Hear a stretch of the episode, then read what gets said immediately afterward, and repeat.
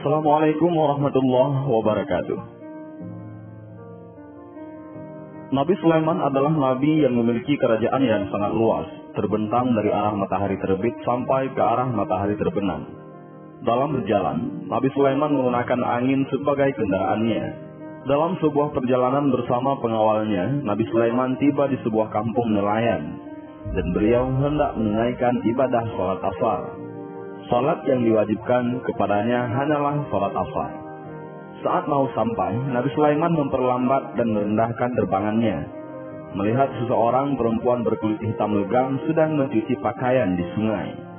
Perempuan itu mencuci pakaian tanpa ditemani oleh siapa pun. Tiba-tiba, Nabi Sulaiman terbesit dalam hatinya. Betapa hitamnya perempuan tersebut. Siapa yang mau menikah dengan perempuan hitam itu? Nabi Sulaiman pun berlalu mencari lokasi lain di tepi sungai untuk berwudu. Ketika hendak memasuki kamar kecil, Nabi Sulaiman melepaskan cincin bertuliskan namanya bersama nama Allah di batunya. Cincin itu dititipkan kepada pengawalnya. Cincin ini adalah mukjizat dari Allah kepada Nabi Sulaiman, sehingga bisa terbang bersama angin dan isi bumi seperti manusia, hewan, dan jin tunduk kepadanya. Sebelum Nabi Sulaiman masuk ke kamar kecil, rupanya jin jahat bernama Afrit telah masuk terlebih dahulu. Lalu, Ifrit keluar lebih cepat dari Nabi Sulaiman dan menyerupai Nabi Sulaiman persis sekali. Lalu Ifrit meminta cincin itu kepada pengawal tadi. Berikan cincinnya. Saya sudah selesai dari kamar kecil. Cinta Ifrit. Tanpa keraguan sedikit pun, pengawal tadi langsung menyerahkan cincin itu kepada Ifrit. Maksudnya adalah Ifrit yang menyerupai Nabi Sulaiman. Tak menunggu lama, Ifrit yang menyerupai Nabi Sulaiman pun terbang bersama angin ke sana untuk memimpin kerajaan. Ketika Nabi Sulaiman asli keluar dari kamar kecil langsung meminta cincinnya kepada pengawal. Pengawal pun kaget dengan menyebutkan telah mengembalikan beberapa saat yang lalu. Setelah dilanda kebingungan, pengawal ini akhirnya memilih kembali ke kerajaan dan tidak percaya kepada Sulaiman yang asli. Tinggallah Nabi Sulaiman seorang diri.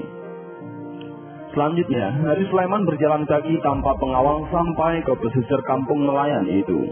Di sana, Nabi Sulaiman bertemu dengan seorang nelayan hendak melaut. Nabi Sulaiman meminta ikut, namun nelayan itu tidak mengizinkannya. Menjelang sore hari, nelayan itu pulang dan membawa pulang ikan dan separuhnya diberikan kepada Nabi Sulaiman yang tidur di tepi pantai. Dalam tidurnya, Nabi Sulaiman beralaskan ular dan dikipasi oleh burung-burung. Beberapa hari kemudian, nelayan itu hanya mendapatkan seekor ikan dan tentu tidak mungkin diberikan kepada Nabi Sulaiman. Inisiatifnya, nelayan tadi mengajak Sulaiman bin Daud ke rumahnya untuk makan bersama. Sementara saat itu, di pusat kerajaan, Sulaiman Hoak ataupun Ifrit yang menyerupai Sulaiman sedang memimpin. Namun dalam kepemimpinannya banyak kejanggalan dan aturan aneh yang dikeluarkan, sehingga rakyat semakin hari semakin ragu. Kemudian para pemuka agama ataupun pembesar kerajaan bermusyawarah untuk hal itu. Walhasil, disimpulkan bahwa yang sedang memimpin adalah Sulaiman palsu dan rakyat tidak percaya lagi Akhirnya Ifrit pergi meninggalkan singgasana dan membuang cincin itu ke laut.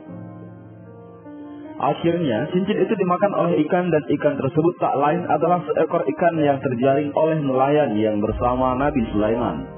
Kemudian, seekor ikan itu dibersihkan oleh putri nelayan itu.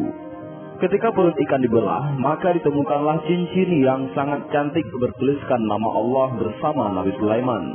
Lalu, gadis itu mengadu kepada ayahnya, ketika didengar oleh Nabi Sulaiman dan bergegas menghampiri gadis itu. Nabi Sulaiman terkejut bukan kepalang. Gadis itu ternyata perempuan yang terbesit di dalam hatinya kala itu, yaitu siapa yang mau menikahi perempuan hitam itu.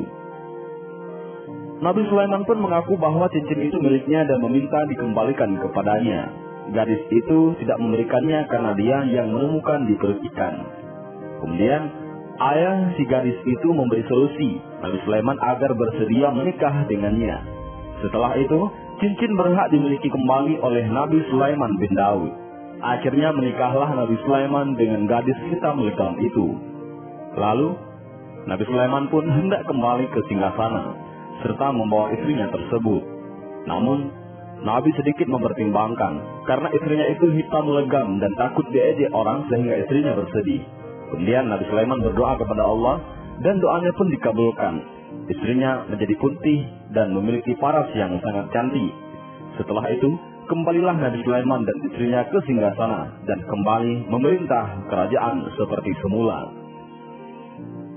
Dalam kisah ini, yaitu kisah Nabi Sulaiman yang hilang cincinnya dan menikah dengan seorang wanita yang hitam, kita bisa mendapati beberapa pelajaran yang penting. Mudah-mudahan pelajaran dari kisah yang singkat ini bermanfaat. Wallahu a'lam bishawab. Assalamualaikum warahmatullahi wabarakatuh.